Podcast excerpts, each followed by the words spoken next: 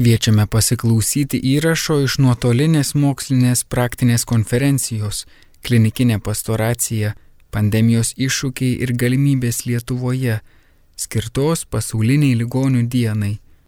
Šią konferenciją surengė Lietuvos sveikatos mokslų universitetas, Kauno klinikos, Lietuvos išplėstinės slaugos praktikos asociacija Vytauto didžiojo universiteto katalikų teologijos fakulteto santokos ir šeimos studijų centras. Apie skiepų naudą ir antivakserinį judėjimą kalbės profesorius Kauno klinikų vaikų lygų klinikos vadovas Rimantas Kievalas. Dabar noriu tada pakviesti Kauno klinikų vaikų lygų klinikos vadovą, profesorių Rimantą Kievalą, pristatyti ir mums papasakoti apie antivakcinį judėjimą Lietuvoje ir pasaulyje. Prašome, profesoriau. Labadiena, Jūsų ekscelencija, labadiena, gerbiamas generalinis direktoriau, mėly kolegos. Tikrai šios konferencijos pavadinimas pandemijos iššūkiai ir galimybės ne tik Lietuvoje, bet ir visame pasaulyje ir tikrai nemažą įžangą padarė ir generalinis direktorius kalbėdamas apie viltį, tą, kurią mes visi medikai pirmiausiai gavome. Jūsų ekscelencija, jūs kalbėjote iš esmės apie gėrį. Deja, šalia gėrio egzistuoja dalelė ir blogio ir kartais ta dalelė išsiveržia gan plačiai. Melburno, Australijoje teismo rūmai, prie jo vyksta antivakcinio judėjimo demonstracija. Čia visiškai šalia yra bažnyčia. Ir tai yra ne šių dienų problema. Tikrai ne šių dienų problema. Ir 2019 metais Pasaulinė sveikatos organizacija antivakcinį judėjimą įtraukė į dešimt pačių didžiausių grėsmių, kurios lemia ir yra pavojingos mūsų sveikatai ir gyvybei. Ir ten yra sakoma, kad vakcinacijos atsisakymas arba abejojimas yra, yra labai grėsmė visuomenės sveikatai, nes vakcinacija yra viena iš labiausiai efektyvių kelių išvengti lygų ir kiekvienais metais išgelbsti nuo 2 iki 3 milijonų vaikų gyvybių. Tikrai tai neatsirado šiandien ir čia. Antivakcininis judėjimas turbūt aš siečiau nuo šito džentelmeno Edvardo Dženerio, tai yra vakcinacijos pradininkas, nes tais laikais raupais užsikrėsdavo apie 60 procentų žmonių ir raupai sunaikindavo apie 20 procentų populiacijos. Vien 20-ojo amžiaus eigoje mirė apie 300 milijonų gyventojų. Na ir manoma, kad Dženerio atradimas labai paprastas, bet labai originalus, išgelbėjo gyvybių daugiau negu bet kokio kito mokslininko atradimas. O jo atradimas buvo labai paprastas. Jisai pastebėjo, kad, kad raupais žymiai mažiau susirga melžėjos, ir nepatvirtinti duomenys paskatino dženerį tokį gan drastišką metodą. Aišku šiuolaikinėj medicinoj nesuprantama. Jisai tiesiog suleido žmogui raupų karvių raupų ir padarė išvadą kad iš esmės tai buvo pirmoji pirmieji vakcinacijos žingsniai. Priminsiu kad raupai buvo likviduoti pasaulyje tūkstantis devyni šimtai aštuoniasdešimtais metais gegužės aštuntą dieną. Mes dar esame ta karta kuri buvo skiepijama nuo raupų ir viena paskutiniųjų mergaičių, kuris susirgo Bangladeše, nuotrauka atlikta 1973 metais. Na ir praėjus šešiems metams po Dženerio atradimo ir pradėjus tokią vakcinaciją nuo raupų atsirado pirmieji antivakcininiai judėjimai ir štai kaip atrodo karikatūra to meto, štai vyksta vakcinacijos procesas ir tie žmonės, kurie gauna vakciną nuo raupų, staiga jiems išauga tam tikri galvijų priedai, ragai, kojos ir taip toliau ir panašiai. Na, dar kaip tuo metu žmonės įsivaizdavo vakcinaciją, vaikų vakcinaciją, kad tokiam monstrui sušeriami vaikai, toliau jie ekskretuojami, jau pavakcinuojami, na ir šitas herojus su ragais, turbūt primenantis velnę, tuos vaikus pakrauna į į vežimą ir taip atiduoda savo tėvams. Taigi tos mintys ne šios dienos, o atsiradę beveik prieš 220 metų. Na, aš labai trumpai priminsiu iš esmės vakcinų technologijas. Tai pirmiausiai negyvi mikrobai, klasikinis pavyzdys būtų gripas arba šiuolaikinis poliomelitas. Toliau gyvi susilpninti mikrobai, klasikinis pavyzdys mūsų būtų tymų, e, parotito ir rotaviruso vakcina, raudonukės taip pat vakcina. Na, prieš 30 metų atsirado labai tokia progresyvi vakcinologija, kada buvo vakcinacijai panaudojamos mikrobų dalys su vienetinės vakcinos.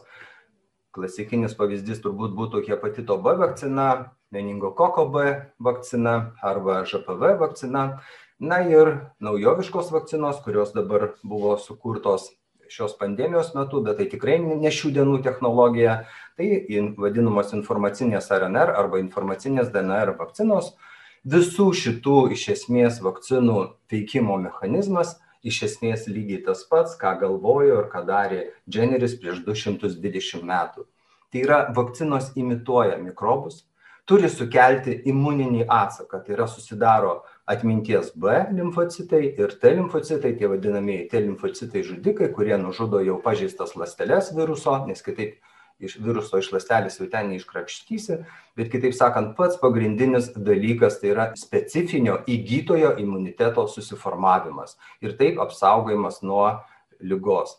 Nes jeigu mes užsikrečiame natūraliai, mes susirgame lyga, mes matome, kiek, kad ir šios pandemijos metu, kiek daug yra komplikacijų, letalių išeičių, o vakcina iš karto duoda imuninį atsaką. Vakcinų poveikis, kaip matome, šimtas procentų yra tik tai ties difterija ir ties raupais. Mano mokytojai dar pasakojo apie difteriją, aš jos nemačiau ir tikrai nematysiu. Aš savo studentam pasakoju apie hemofilus influenza B tipo e, susirgymus, kuriuos mačiau iki 2004 metų, kada ir Lietuvoje buvo įvesta vakcinacija, pasaulyje 1980. Didžiuliai sunkus epiglotitai, uždusdavo vaikai, sunkus meningitai, kur net 30 procentų laikų pradėjus gydimą būdavo didžiulės komplikacijos. Na, o kitos vakcinomis valdomų lygų procentai nėra labai artėja prie šimto, tačiau kartais tie keli procentai gali turėti lemiamą reikšmę kylant protrukiui. Dabar kas nutiks, jeigu vakcinacija bus sustabdyta ir sumažės skiepimo apimtys, ypatingai šiuo metu, pandemijos metu, mes kalbame, kad daugelio vakcinomis valdomų lygų užkrečiamumas yra žymiai, žymiai didesnis negu COVID-19. COVID-19 tas užkrečiamumas 1, 1,2, tačiau tokių lygų kaip tymai, kokliušas, užkrečiamumas yra žymiai didesnis 12-18. Tymai iš vis yra labai pavojinga infekcija, skaitoma, kad jinai tymų virusas mutavo iš gyvulių maro, dar nuo pirmykštės bendruomenės, kaip kartu gyveno žmonės vienoj patalpoj ir, ir gyvuliai. Ir tai yra gyvulių maro atmaina, užkrečiamumas yra pakankamai didelis.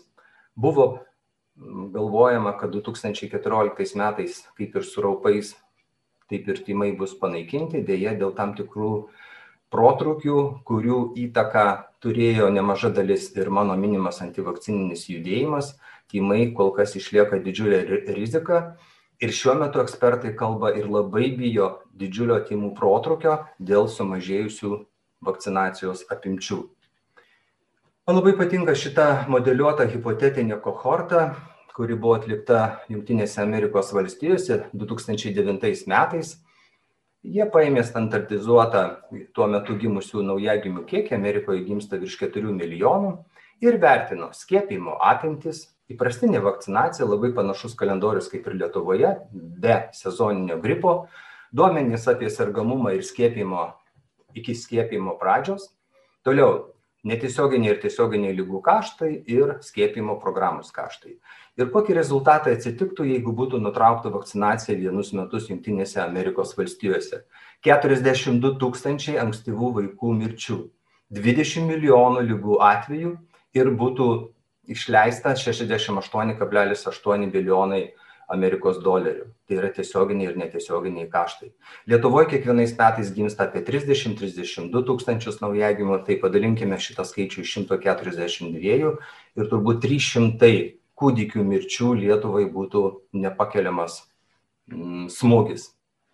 Mano geras draugas, kolega, šiuo metu jis yra teologijos profesorius dirba, dirbantis Vatikane, aš paprašiau pasidalinti medžiagą ir pakankamai gerai išstudijavau šios tris dokumentus. Tai popiežiškosios gyvybės akademijos dokumentas, kuris buvo priimtas bendradarbiaudamas su Italijos vyskupų konferencija, Oficijo per la pastoralė dėlė salutė ir Italijos katalikų gydytojų asociacija ir 2017 metais, Liepos 31 dieną, išleido dokumentus, kur, kur buvo kalbama vakcinacijos klausimais. Tikėjimo ir doktrinos kongregacijos dokumentas bei Vatikano COVID-19 komisijos E, popiežiškoji gyvybės akademija buvo išleista visiškai nesenai, jau antrosios bangos metu ir daugiausiai kalbama apie COVID-19 ir vakcinaciją. Taigi keletas minčių. Urbi et orbi kalėdinėje žinutėje popiežius pareiškė, kad vakcinos, norėdamos apšviesti ir suteikti vilties visiems, turi būti prieinamos visiems, ypač pažeidžiamiausiems ir vargingiausiems visiems planetos regionams. Dabar yra problema, kad vis dėlto dalis besivystančių šalių, dalis blogai ekonomiškai besilaikančių šalių yra nuskriaudžiamos vakcinos tiekimo klausimais. Mano pirmajam paminėtam dokumente teigiama, kad gyventojų neskiepimas rodo rimtą pavojų, kad gali pasklisti praeitie išnaikintos pavojingos ir dažnai mirtinai pavojingos tokios infekcijos kaip tymai, raudonukė, vėjarupiai. Na, 2019 metais rudenį Samoa saloje gyventojų skaičius panašiai kaip Kaune buvo kilusi didžiulė tymų epidemija, nusinešusi 60, virš 60 vaikų gyvybių. Ir vėlgi, trigeris, priežastis to buvo vietinis antivakcininis judėjimas. Toliau kalbama, kad kalbant apie vakcinas, kurioms ruošiant buvo naudojamos ar galėjo būti naudojamos ląstelės kilusios iš savanoriškai nutrauktų vaisių, reikia patikslinti, kad moralinė neteisybė slypi veiksmuose, o ne vakcinuose. Aš noriu priminti, kad šiandieną jau nebereikia gauti ląstelių iš naujų savanoriškų abortų ir kad tai yra senai jau sukurtos ląstelių linijos, kurios, jeigu aš neklystu, buvo sukurtos nuo 1960 ir 1972 metų. Ir visus kliniškai rekomenduojamus skiepijimus galima naudoti su sąžinė ir kad tokių vakcinų vartojimas nereiškia kažkokio bendradarbiajimo su savanorišku abortu. Ir skiepijimo moralė priklauso ne tik nuo pareigos saugoti savo sveikatą, bet ir nuo pareigos siekti bendro gėrio popiežius pranciškus labai pabrėžia tą bendro gėrio siekimo tikslą. Ir vakcinavimas klinikiniu požiūriu yra saugus ir veiksmingas ir nėra jokios koreliacijos tarp vakcinų vartojimo ir autizmo atsiradimo. Apie tai aš dar pakalbėsiu šiek tiek vėliau. Na, kas pasikeitė per tos 220 metų su mumis, su Homo sapiens? Iš esmės per daug nieko nepasikeitė. Žmogus evoliucionuoja pakankamai lietai, nepaisant didžiulės technologinės, bet morališkai doroviškai ir etiškai ta evoliucija, aš drįščiau teikti, jinai buksuoja. Štai visiškai nesenas plakatas, na, jo pasikeitė tik tai galimybės, atsirado socialiniai tinklai, atsirado įvairūs socialinės platformos kaip YouTube'as ir taip toliau, taip pat leidžiami laikraščiai, kur skleidžiamas melas ir visa kita netiesa. Na, tas sąlygos pasklisti blogiui yra žymiai, žymiai didesnės negu Dženerio laikais būdavo dailininkai paaišydavo tas karikatūras. Na trumpai tariant apie antivakcininio judėjimo struktūrą, tokios pagrindiniai akcentai. Tai pirmas, neapibrieštos baimės ir nerimo kurstimas. Tai yra kalbos apie paslaptingas mirtis, lygas. Aš pats asmeniškai YouTube žiūrėjau sukurtą video filmą po skiepų. Na, labai toks slogus jausmas ir aš tiesiog norėčiau tų kuriejų paklausti, na, ne, ne tai, kad ką jie to norėjo padaryti, bet kodėl taip elgiamasi ir kodėl taip negarbingai ir nedorai elgiamasi. Ir tiesiog paprastas klausimas būtų, ar tikrai pas juos yra viskas gerai su tokiu dalyku kaip sąžinė, moralė. Toliau, apeliavimas į jautrę temą - vaikų sveikata likimas. Vaikystė taip yra susijusi su skiepais, su imuniteto formavimuose. Taip pat labai svarbus nepasitikėjimas valdžios struktūromis ir globaliomis sistemomis, dėl to, kad vakcinacija yra valstybės politika ir gerai, kad valstybė išgali aprūpinti savo, garantuoti tam tikras vakcinacijos apimtis, o tai skatina nepasitikėjimą valdžios struktūromis. Na ir didžiojo plano teorija. Ir dabar mes girdime, čia mafijos išgalvojimas, tas COVID nėra čia jokio COVID, čia tam virusas sukurtas specialiai, kažkas naudinga, kažkas pelnosi, bando pakeisti visuomenę, įdės kažkokius sėkimo mikroschemas, pakeis net žmogaus genomą. Na, dalis visuomenės tais to melo teorijomis tiki. Toliau mokslo bendruomenės atmestų teorijų platinimas. Apeliavimas į tikimybę, jeigu gali įvykti kažkas tai, o būtinai apeliuoja, kad tai ir gali įvykti. Na, sakykime, jeigu tu bijai, kad tave sudraskys baltoji meška, tikrai neik į mišką, bet mes tikrai žinome, kad baltąją mešką sutikti Lietuvos miškuose yra retenybė, nebent iš Kauno zoologijos sodo jinai būtų pabėgusi. Toliau apeliavimas į neištirtus dalykus. Labai dažnas argumentas poveikis neištirtas. Aš apie tai dar irgi truputėlį vėliau pakalbėsiu. Taip pat antivakcininis versliukas, spauda, leidiniai, knygos, e, netradicinė medicina ir visa kita randa nišą šitoje sferoje. Labai svarbus ir čia daug psichologai aiškina apie tapatybės stiprinimą mažoje grupėje. Nes dalis skiepų priešininkų audringai už savo pažiūras kovoja vien todėl, kad susikurtų savo tapatybę, tapatybinę grupę ir jie rastų bendrą kalbą tarpusavyje. Na ir paskutinis argumentas struktūroje yra kvailumas, labiau beribis nei visata. Čia yra Alberto Einšteino pasakymas. Vienas iš tokių šio laikinių antivakserio judėjimų, norėtųsi sakyti, jis nebuvo pradininkas, bet jis toks, toks užvedęs naująją tą bangą, buvo vaikų gastroenterologas Andrew Wakefieldas tą istoriją daug kas žino, nors jinai man kartais yra labai keista ir nesuvokiama.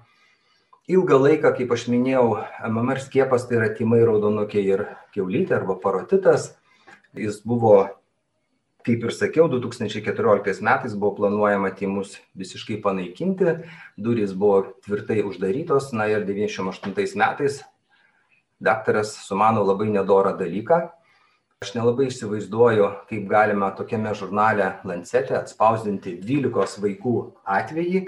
Na jis padaro tokią išvadą kur galvoja kad yra ryšys tarp mmr skiepo autizmo na ir kažkokių žarnyno ligų. mm, vėliau kaip pasirodė jisai stengėsi galbūt aš paminėsiu dar keletą faktų. Vien du tūkstančiais antrais metais po šito straipsnio po dvylikos atvejų paskelbimo su labai tokia diskutuotina ir tikrai bloga metodika buvo parašyta per pusantro tūkstančio straipsnių iš jų du trečdaliai kritiškai vertino mmr skiepą. Reiškia didžiulė banga informacijos na pirmasis pabando kovoti su šitu blogiu britų žurnalistas brainas deras jisai įrodo kad mokslininkas tai yra andriu veikfildas pasirinko netinkamus tyrimo metodus turėjo tiesioginį finansinį interesą. Jo planas buvo laimėti apie penkiasdešim milijonų dolerių nes jam kyšius mokėjo teisininkai atstovaujantys autizmu sergančių vaikų tėvus bylose prieš farmacijos kompanijas. Po to buvo atlikti du didžiuliai tyrimai. Tai yra danų tyrimas su daugiau kaip pusė milijono vaikų. Ir po dvylikos metų australų tyrimas su vienu milijonu vienu milijonu dviem šimtais penkiasdešim tūkstančių vaikų kur buvo aiškiai padaryta išvada skiepai nepadidina autizmo išsivystymo rizikos. Ir netgi kad paskiepytų vaikų rizika susirgti autizmu buvo aštuoni brūkšnelis septyniolika procentų mažesnė nei neskiepytų pačiam veikfildui šita istorija baigėsi liūdnai iš jo atimama licenzija jisai pabėga iš jungtinės karalystės į jungtines amerikos valstijas gyvena kalifornijoj pakankamai prabangiai ir kol kas jis yra vienas iš antivakcininio judėjimo vėliavnešių. Taigi nepasitikėjimas skiepais. Iškart po veikfildo publikacijos po dvidešim aštuntų metų apie trylika procentų sumažėja vakcinacijos kas yra pakankamai daug. Toliau daktaro Google sindromas, taip, jis yra mums puikiai žinomas, kada žmogus sugeba įsijungti kompiuterį, pasiskaito, o ten reikia žinoti, kur skaityti, ką skaityti, turėti bent kažkokį kritinį mąstymą. Na ir apie Davido Daningo ir Justin Krugerio efektą aš šiek tiek vėliau pasakysiu, pateikdamas pavyzdį. Na ir viena iš tokių, kaip pasakyti, priežasčių, ką aš dažnai matau ir, ir, ir, ir praktikoje, tai yra po to vadinasi dėl to post hoc ergo propt hoc. Labai trumpa istorija. Tai buvo penkių mėnesių nuostabus kūdikis. Gimė puikioje šeimoje, buvo trečias vaikas, prieš tai du jau paaugę sūnus, labai laukiama mergaitė, gimė sveika, vieno mėnesio vakcinuota hepatitu B, dviejų mėnesių planiniai skiepai, trijų mėnesių meningokokas, penkių mėnesių paskiepijama meningokoko B vakcina antrą dozę ir vaikas pasidaro neramus, dirglus, pradeda trikti motorika ir atvyksta pas mumis. Mes darome labai daug tyrimų, ieškome labai daug lygų, skiriamas gydimas, nes pagrindinis klinikinis, pagrindiniai klinikiniai simptomai tai buvo psichomotorikos nykimas, motorinių judesių nykimas, na ir finale per dešimt mėnesių mergaitė buvo priklausoma nuo dirbtinės plaučių ventiliacijos, na ir dar po pusantrų metų mirė. Aš lenkiu galvą prieš šitą mamą. Taip, tai atsitiko po skiepų, bet tikrai ne dėl skiepų. Mes labai daug įdėjome pastangų, kad išsiaiškinti, kas buvo tai mergaitai ir lenkiu galvą dar kartą prieš ją dėl to, kad jinai tikėjo mumis, tikėjo šio laikinė medicina.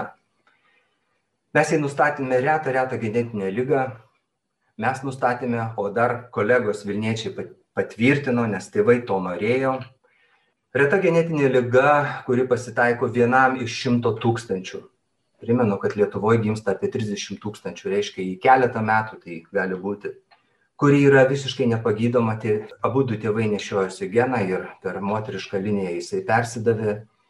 Ir jeigu ne šio laikinė medicina, ir jeigu mama netikėtų mumis, antivakcerių judėjimas tikrai turėtų tikrų argumentų. Bet tikrai tai yra viena iš dažniausiai priežasčių, kada įvyksta po skiepų ir viskas susijęma su skiepais. Labai svarbu medijos politikai, visi labai mėgsta pakalbėti apie vakcinas, ypatingai, na, Dainis Kapenis, čia jo yra citata, aš ją nenorėčiau daugiau komentuoti, kad tai, kaip sako, COVID pasaulinės mafijos projektas, o skiepydamiesi tapsime eksperimentiniais triušiais. Na ir kitas jo pasakymus. Labai gaila, kad garbingą Seimo tribūną jis panaudoja gėrio.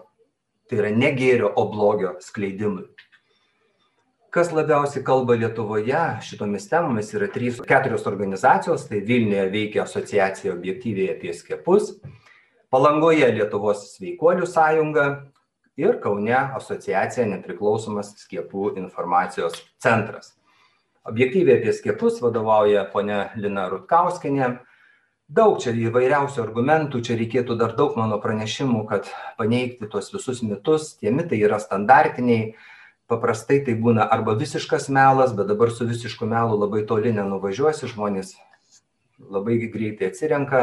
Tai tokie trupinėliai mokslinės informacijos įviniojami į nemažą melo gniužulėlį ir dar paridenami kaip tas sniego gniužtė ir pateikiama. Aš tik tai parodysiu keletą tokių faktų. Vat, pavyzdžiui, kai, kalbant apie vakciną nuo meningokoko, klinikiniais tyrimais vakcinos Bekserio veiksmingumas taip pat nebuvo vertintas. Prielaidos apie vakcinos veiksmingumą buvo padarytos mėgintuvėlyje, pademonstravus žmogaus kraujo serumo antikūnių reakcijas į kiekvieną iš vakcinos antigenų. Pavyzdys apie išgyvenimo apie vakcinos efektingumą. Čia yra Kvebeko regionas, Kanada, kur 2006 metais susirgimų skaičius šimtui tūkstančių buvo 11,4. Priminsiu, kad Lietuva ilgą laiką buvo pirmaujanti, bet tas skaičius buvo 2,16. Reiškia beveik dešimt kartų didesnis negu Lietuvoje, o Lietuvoje kiekvienais metais susirgdavo apie 80-70 žmonių meningokokinė infekcija, pusė iš jų vaikų ir pusė iš jų mirdavo. Ir kada jie pradėjo vakcinacijos programą nuo 2 mėnesių iki 20 metų amžiaus, per 4 metus sergamumas sumažėjo 96 procentais. Tai yra faktas.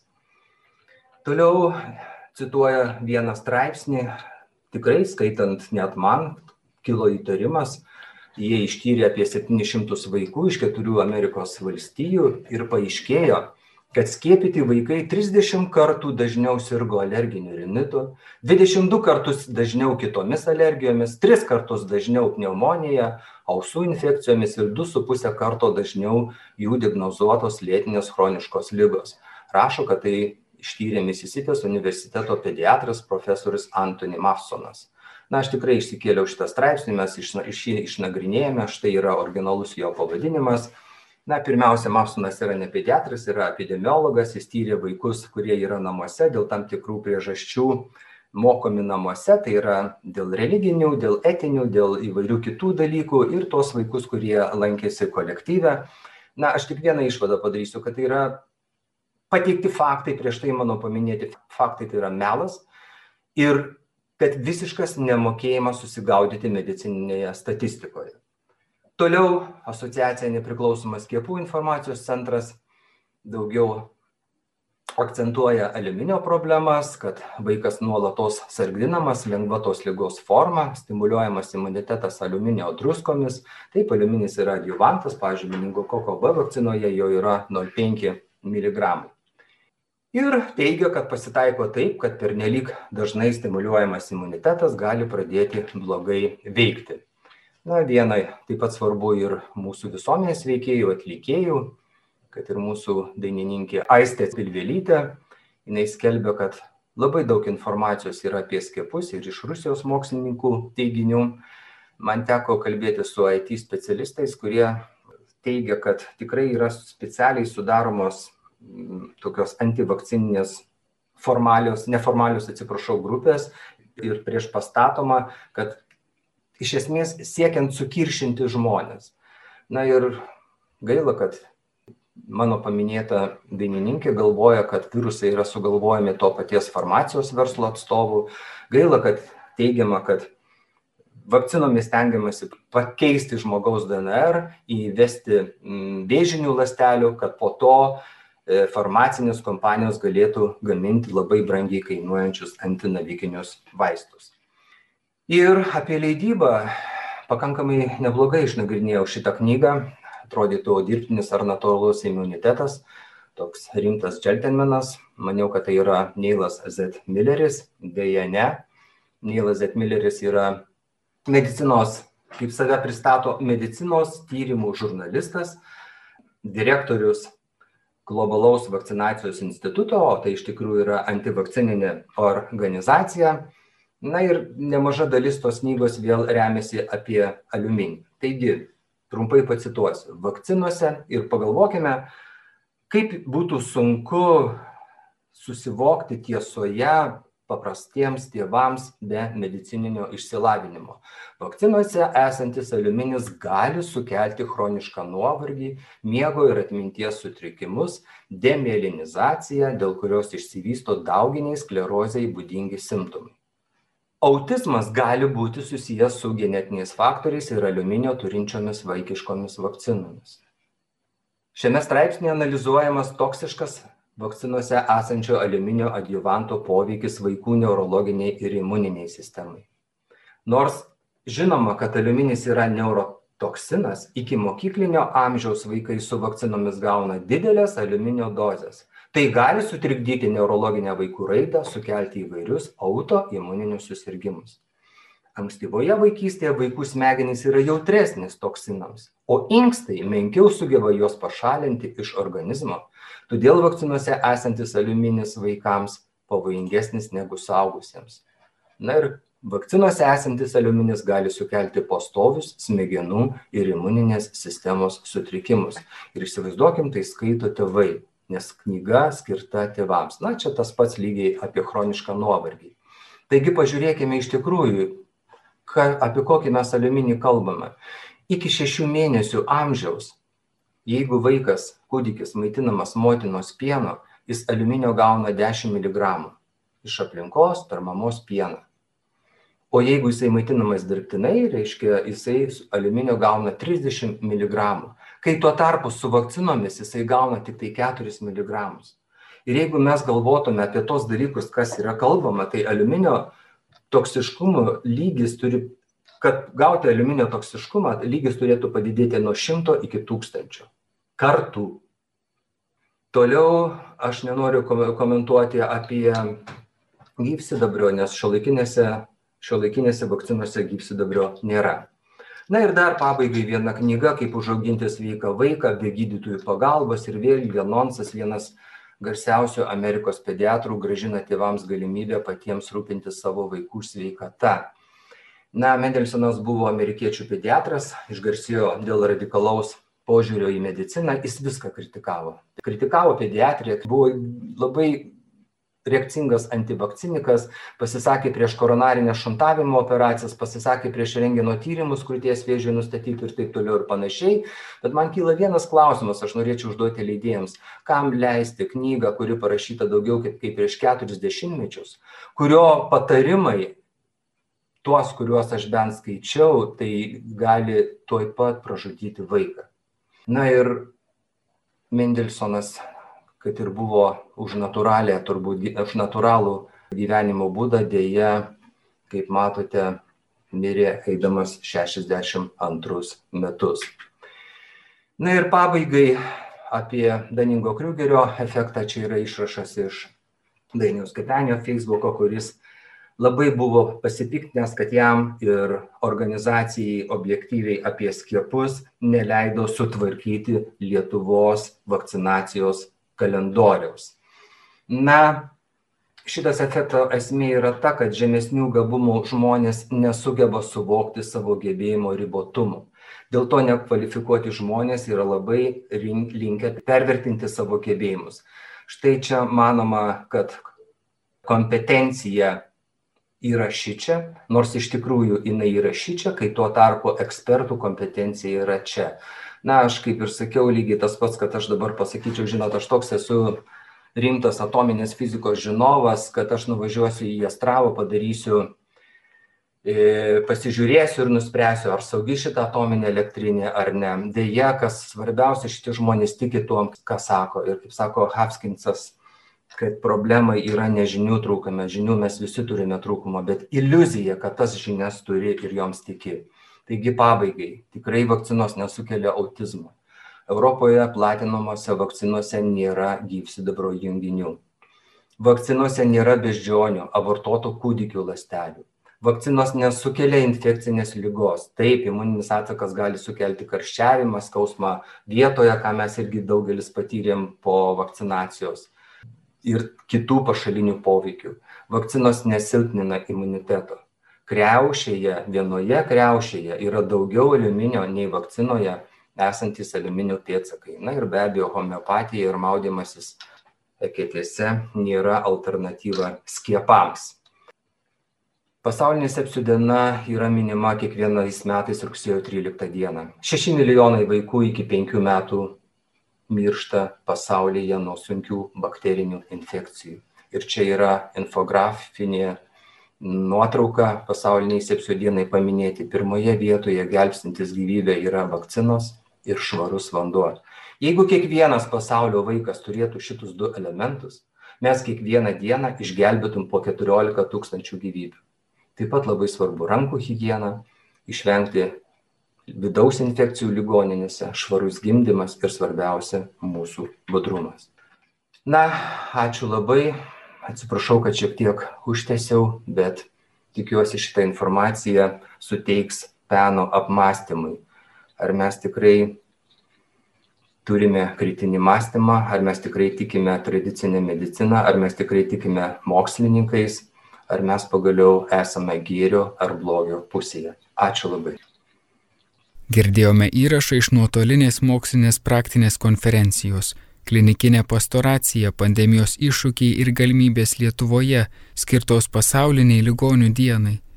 Šią konferenciją surengė Lietuvos sveikatos mokslų universitetas, Kauno klinikos, Lietuvos išplėstinės slaugos praktikos asociacija, Vytauto didžiojo universiteto, Katalikų teologijos fakulteto santokos ir šeimos studijų centras. Apie skiepų naudą ir antivakserinį judėjimą kalbėjo profesorius Kauno klinikų vaikų lygų klinikos vadovas Rimantas Kievalas.